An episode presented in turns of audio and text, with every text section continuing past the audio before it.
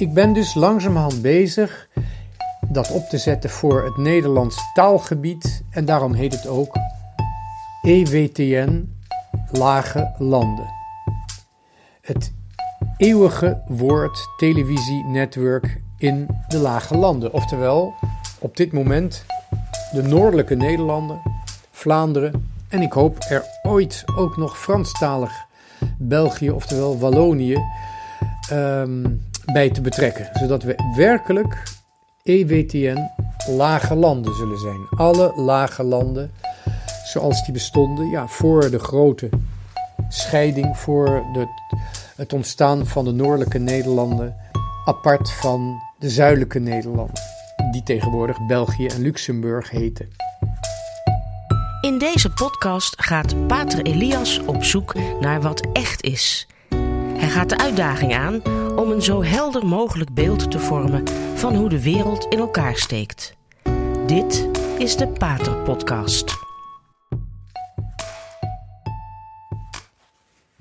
Sinds ik ben opgehouden met mijn werk als betaalde programmadirecteur van Radio Maria, ik ben er vijf jaar mee bezig geweest en ik ben er erg dankbaar voor. Het waren mooie jaren, het was een fijn werk. Sinds ik daarmee ben opgehouden, ben ik met wat vrienden begonnen met het opstarten van een filiaal in Nederland van een heel groot Amerikaans persagentschap. Dat bestaat uit televisie, geschreven artikelen en podcasts. En dat agentschap is ooit begonnen door een Amerikaanse zuster, een Clarisse-zuster, Mother Angelica. En dat bestaat eigenlijk uit drie takken. Eén daarvan is de National Catholic Register. En dan heb je ook nog de Catholic News Agency. En tenslotte heb je het Eternal World Television Network, EWTN. En dat is de meest bekende van die drie. Dat gaat stapvoets. Het is een, uh, een werk van lange adem en het begint heel klein. En daar ben ik eigenlijk heel blij mee. Dat dat langzaam begint met heel weinig geld, uh, met uh, weinig kijkers nog. En uh, wel met volledige inzet van de mensen die daar tijd aan willen besteden. En soms ook geld, want ik leef helemaal van donaties. Het is niet een betaald werk zoals ik bij Radio Maria had. Ik ben dus langzamerhand bezig dat op te zetten voor het Nederlands taalgebied en daarom heet het ook EWTN Lage Landen. Het eeuwige woord televisienetwerk in de Lage Landen, oftewel op dit moment de noordelijke Nederlanden, Vlaanderen en ik hoop er ooit ook nog Franstalig België, oftewel Wallonië, um, bij te betrekken, zodat we werkelijk EWTN lage landen zullen zijn. Alle lage landen zoals die bestonden ja, voor de grote scheiding, voor het ontstaan van de noordelijke Nederlanden, apart van de zuidelijke Nederlanden, die tegenwoordig België en Luxemburg heten. Daar ben ik dus al een tijdje mee bezig en daar hoef ik eigenlijk u helemaal niet mee lastig te vallen. Ik vind het wel leuk om daarover te vertellen. Maar toch is het eigenlijk noodzakelijk om daar wat aandacht aan te wijzen, aan te wijden. Omdat um, er recent binnen, zeg maar, katholiek Nederland uh, nogal wat uh, stemmen zijn opgegaan um, die kritiek hebben of die wat aanmatigend zijn naar uh, eh, EWTN en dus ook EWTN Lage Landen, internationaal, Amerikaans EWTN, Europees EWTN en ook EWTN Lage Landen. Um, ja, en ik neem die kritiek helemaal niet persoonlijk. Ik ga gewoon door um, met datgene waartoe ik me geroepen voel. Datgene waarvoor ik gevraagd word. Maar ik vind toch dat omdat er ontzettend goede inzet is van velen. En ik op het ogenblik eigenlijk een soort van programmadirecteur ben van EWTN. Om de mensen die zich volledig inzetten en die erin geloven te verdedigen, moet ik toch een beetje een antwoord geven op de kritiek die er is geweest op, op EWTN. Ik noem bijvoorbeeld uh, de, de hoofdredacteur van het Katholiek Nieuwsblad, die um, toch wel wat uh, neerbuigende uitspraken heeft gedaan op, over EWTN, onder andere dat, een, ehm, eh, dat wij EWTN paushaters zouden zijn. Ehm, het is nog eens uh, naar boven gekomen toen uitspraken van de paus bij een interview in Slowakije um, ja, zouden kunnen impliceren, geïnterpreteerd zijn als zou EWTN het werk van de duivel zijn. Dat heeft de paus helemaal niet zo gezegd. Het komt eigenlijk uit gevolgtrekkingen uh, die gemaakt worden door andere mensen, zeker niet de paus. Het zijn gevolgtrekkingen die worden gemaakt door uh, mensen die wat uitspraken aan, van de paus aan elkaar rafelen. En um, ja, daar moet ik toch even op antwoorden, omdat uh, eh, EWTN een serieuze zaak is, een katholieke zaak is door een. Um, het is bovendien het grootste televisienetwerk in de wereld van de katholieke kerk. Uh, bij het pers persagentschap zijn vele uitstekende journalisten en commentatoren aangesloten. En bovendien um, is er, zijn er weinig um, persagentschappen die zoveel in detail en uitgebreid aandacht wijden uh, aan wat door de paus wordt gezegd, gedaan wordt, gepubliceerd wordt en überhaupt wat er door het, uh, het uh, magisterium van de kerk naar buiten wordt gebracht. Dat is met, wordt met heel veel zorg gedaan en zo uitgebreid mogelijk en inderdaad zo trouw mogelijk aan het geloof. Um, nogmaals, ik wil toch, uh, ik heb even de hoofdredacteur van het Katholiek Nieuwsblad genoemd, maar er zijn ook anderen. Uh, en ik wil toch, uh, en misschien heeft u daarvan, eh, bent u daarvan op de hoogte, misschien heeft u dat ook opgemerkt. En ik wil daar toch ehm, antwoord op geven. Eh, ten eerste is dat niet omdat ik de kritiek persoonlijk neem, maar ehm, het is vooral vervelend voor de mensen die met mij samenwerken. Uh, en er is wel degelijk sprake van uh, stemmingmakerij, een, uh, een, ideologische stemmingmakerij. Ehm, vaak gebaseerd, of eigenlijk zo zeggen, zou ik zo zeggen, zoals gewoonlijk, gebaseerd op onjuiste aannames. En een antwoord geven is niet alleen terecht, maar het is ook noodzakelijk. Er is bij uh, eh, EWTN, zoals ik al zei, een heleboel dat gepubliceerd wordt. Allereerst van het magisterium, van de kerk en er zijn ook commentatoren. En inderdaad, er zijn commentatoren die naar aanleiding van wat er gebeurt in Rome, naar aanleiding van wat de paus zegt, schrijft, leert en doet, zijn er mensen die vragen stellen.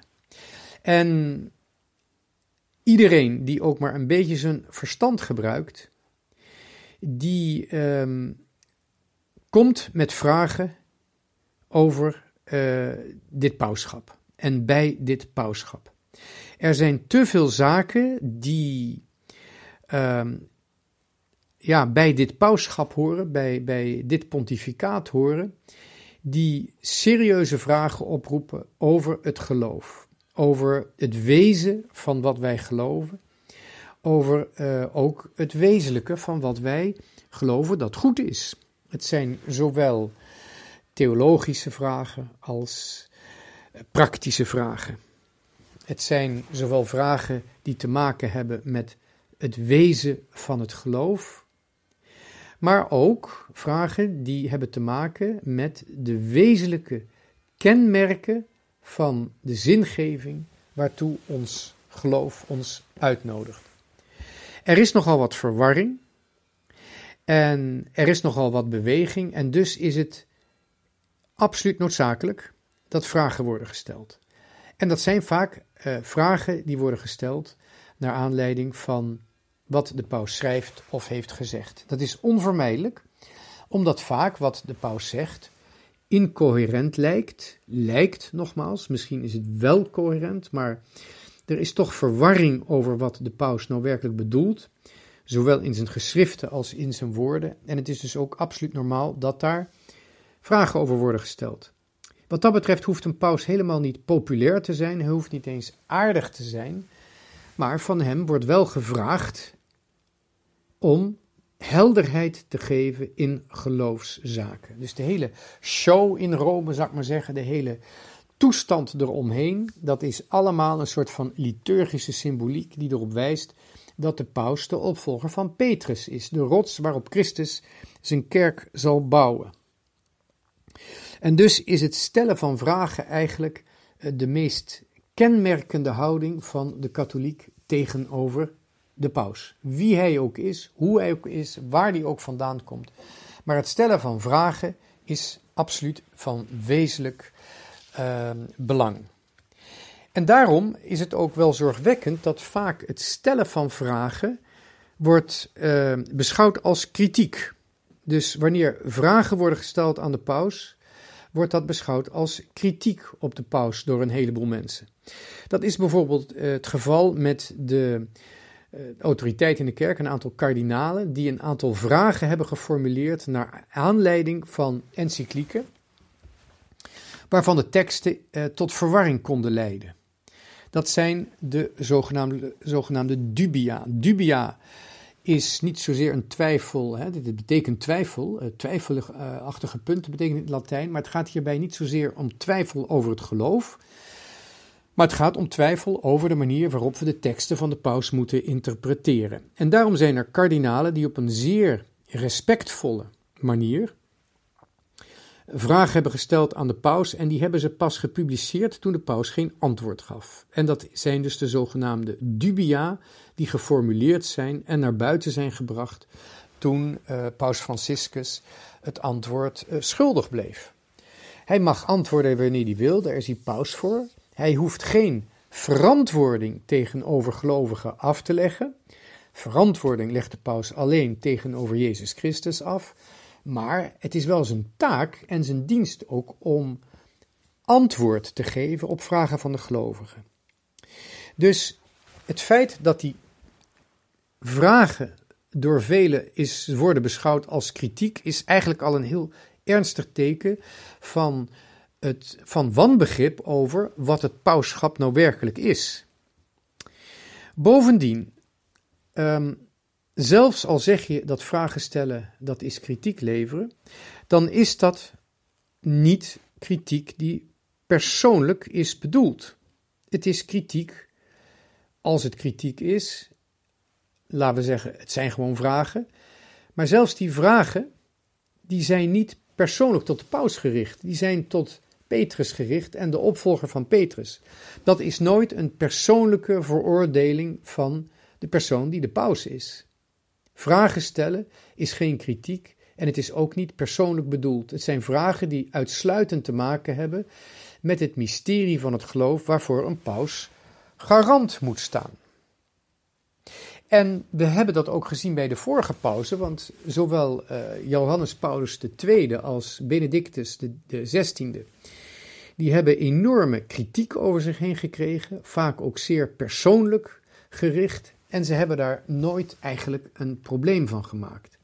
Maar als je kijkt naar de geschriften van deze pausen en hun antwoorden op uh, die zij hebben geformuleerd op de vele vragen die er waren, dan zie je dus dat zowel Johannes Paus II als Benedictus XVI zelfs de meest persoonlijk gerichte hatelijke kritiek altijd hebben weten om te zetten in vragen over het geloof.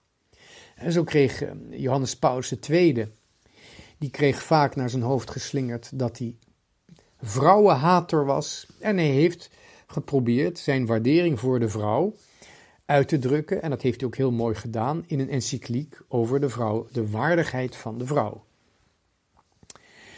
Um, daarbij overigens niet in een kinderachtige zelfverdediging te vallen door uh, een encycliek te schrijven over de waardigheid van de man. Nee, de kritiek was gericht op zijn houding en de houding van de kerk naar de vrouwen toe en daarom heeft hij die encycliek geschreven. Dat geldt eigenlijk ook voor Benedictus, die, die de panzerkardinaal werd genoemd, die als Duitser ook wel met nazi's werd vergeleken. Je hebt daar nooit uh, van Benedictus XVI irritatie of woede over gezien, maar heeft keurig altijd op een heel rustige manier heeft hij al die felle kritiek en die hatelijkheid, heeft hij eigenlijk weten om te zetten, te transformeren in vragen die hij vervolgens op een prachtige manier heeft geantwoord. Dus vragen stellen is geen kritiek. Het is zeker geen persoonlijke kritiek. En dus is die verwarring ook volstrekt onnodig. Ook een verwarring die mogelijk is, is dat kritiek op de paus kritiek op de kerk zou zijn. Kritiek op de paus, die we niet hoeven te hebben. Vragen aan de paus, die zijn niet persoonlijk bedoeld, maar kunnen ook nooit als kritiek op de kerk worden beschouwd. Kritiek op de paus, zelfs al zou je die hebben, dat is nog geen kritiek op de kerk. Dat is iets heel anders. De paus is niet de kerk en de kerk is niet de paus. De paus is één persoon in de kerk waar niemand van ons jaloers op hoeft te zijn. Want het is misschien wel de moeilijkste taak die in deze wereld moet verrichten. Niemand hoeft jaloers op de paus te zijn. Maar zelfs kritiek op de paus is niet kritiek op de kerk. Dat zou kritiek op Christus zijn. Nou, ook dat is een verwarring die wordt gemaakt. Kritiek op de paus is niet kritiek op de kerk. En kritiek op de kerk, wat doe je daarmee? Er wordt nogal wat kritiek geleverd op de kerk. Is dat allemaal, en die vraag kunnen we ons gezamenlijk stellen, is dat allemaal het werk van de duivel? Misschien wel.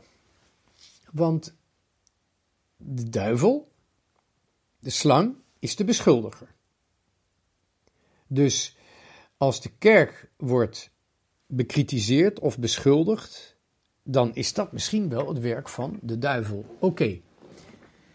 Maar zelfs als dat, zo is, als dat zo is, moeten we die beschuldigingen altijd serieus nemen. We moeten kijken in hoeverre ze terecht zijn. Want zelfs al is, als is kritiek, van de, kritiek op de kerk het werk van de duivel, dan mogen we niet vergeten dat de duivel gelijk heeft als hij de mens beschuldigt. Het is de enige waarheid die de duivel heeft. Dat is als hij ons beschuldigt. Wij zijn zondaars en wij begaan zonde. Zelfs al zijn we roomser dan de paus, we blijven zondaars. Heel sneu, maar wel fijn voor de duivel, want als hij ons beschuldigt, heeft hij gelijk. Dat is de enige waarheid die hij heeft. Vandaar ook dat de enige manier om de duivel te snel af te zijn, dat is in de biecht je zonde te beleiden. Dan moet inderdaad de duivel moet gewoon zijn mond houden. Dan valt er niks meer te beschuldigen, want dat hebben we zelf al gedaan. Maar hoe dan ook, wat doen we met kritiek op de kerk? Die moeten we altijd serieus nemen, want die kan best wel waar zijn. Of het nou de werk van de duivel is, of het werk van Jezus zelf, of van Maria. Kritiek op de kerk moeten we altijd serieus nemen en kijken in hoeverre die kritiek serieus is, echt terecht is. En dan uiteraard in alle nederigheid dat erkennen en verbeteren wat we kunnen om de kerk meer levend en meer vruchtbaar te maken. Je ziet dus dat er een enorme hoop verwarringen mogelijk zijn wanneer je vragen stellen en je twijfel laten blijken naar de autoriteit, wanneer je dat als kritiek gaat beschouwen. En zelfs persoonlijke kritiek gaat beschouwen. En zelfs als kritiek op de kerk zelf, dus op Christus zelf gaat beschouwen. En zelfs als het werk van de duivel gaat beschouwen. Als vragen stellen dat allemaal tot gevolg heeft, als vragen stellen uiteindelijk uitkomt op een beschuldiging dat je door te vragen het werk van de duivel doet, dan ben je eigenlijk in een totalitaire dictatuur terechtgekomen. Geen vragen mogen stellen, dat is een teken van een totalitaire dictatuur. Je mag niet meer twijfelen aan de absolute waarheid, die in feite een absolute leugen in zich heeft. Van de absolute leugen, de ideologische leugen van een totalitaire samenleving. We moeten dus, wanneer dit soort problemen reizen, moeten gewoon teruggaan naar wat waren nou eigenlijk de vragen en waarover is die verwarring ontstaan? En alleen als we werkelijk aan tafel gaan zitten en als de paus ook inderdaad antwoorden geeft op onze vragen, dan gaan we problemen oplossen. En dan hoeven we binnen het katholieke kamp niet meer van die bizarre beschuldigingen naar elkaar toe te gooien. EWTN, dat is op het ogenblik op een hele bescheiden manier datgene waarvoor ik me inzet, waar ik me mee ik me bezig hou. En wat er ook gebeurt, maar wij houden als gelovigen niet alleen het recht, maar ook de plicht om vragen te stellen aan het leergezag van de kerk als er onduidelijkheden zijn. Als er dingen verward overkomen. Namens de gelovigen, die willen weten wat ze moeten geloven, wat ze mogen geloven van de geopenbaarheid. Namens die gelovigen zal iedereen die wat voor plaats van autoriteit in de kerk heeft, ook altijd vragen moeten blijven stellen. Dat is het echte werk van de geest. Dat is niet het werk van de duivel. Ook Christus heeft om water gevraagd aan het kruis. En hij vraagt dat nog steeds aan ons. Hij vraagt nog steeds aan ons een antwoord op zijn dorstschreeuw. En in ons, wanneer wij dorsten naar de waarheid, naar de waarheid van het geloof, dan is dat ook de dorstschreeuw van Christus die in ons hart weer klinkt. Daarom, zolang als ik voor EWTN werk en zolang waarschijnlijk als EWTN bestaat, zullen er vragen worden gesteld aan het magisterium van de kerk. Juist in deze tijd waarin erg veel verwarring is over waarheden die vroeger ons geleerd zijn als onveranderlijk.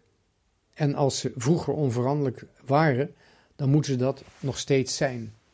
Anders is ons geloof totaal zinloos.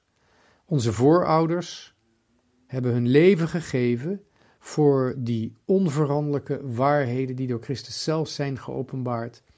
Als wij kinderen ook van onze voorouders willen zijn, als ook wij offers willen brengen voor dezelfde eeuwige heerlijkheid van God en daar ons aandeel in willen toevoegen, dan zal het ook voor ons helder moeten zijn wat we geloven, zodat we werkelijk een zuiver geloof kunnen hebben,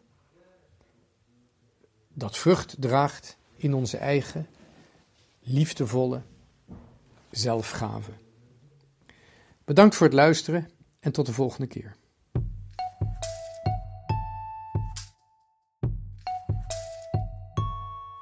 Dit was de Radio Maria Pater Podcast met Pater Elias. Deze podcast is online terug te luisteren via de website van Radio Maria en andere podcastplatforms.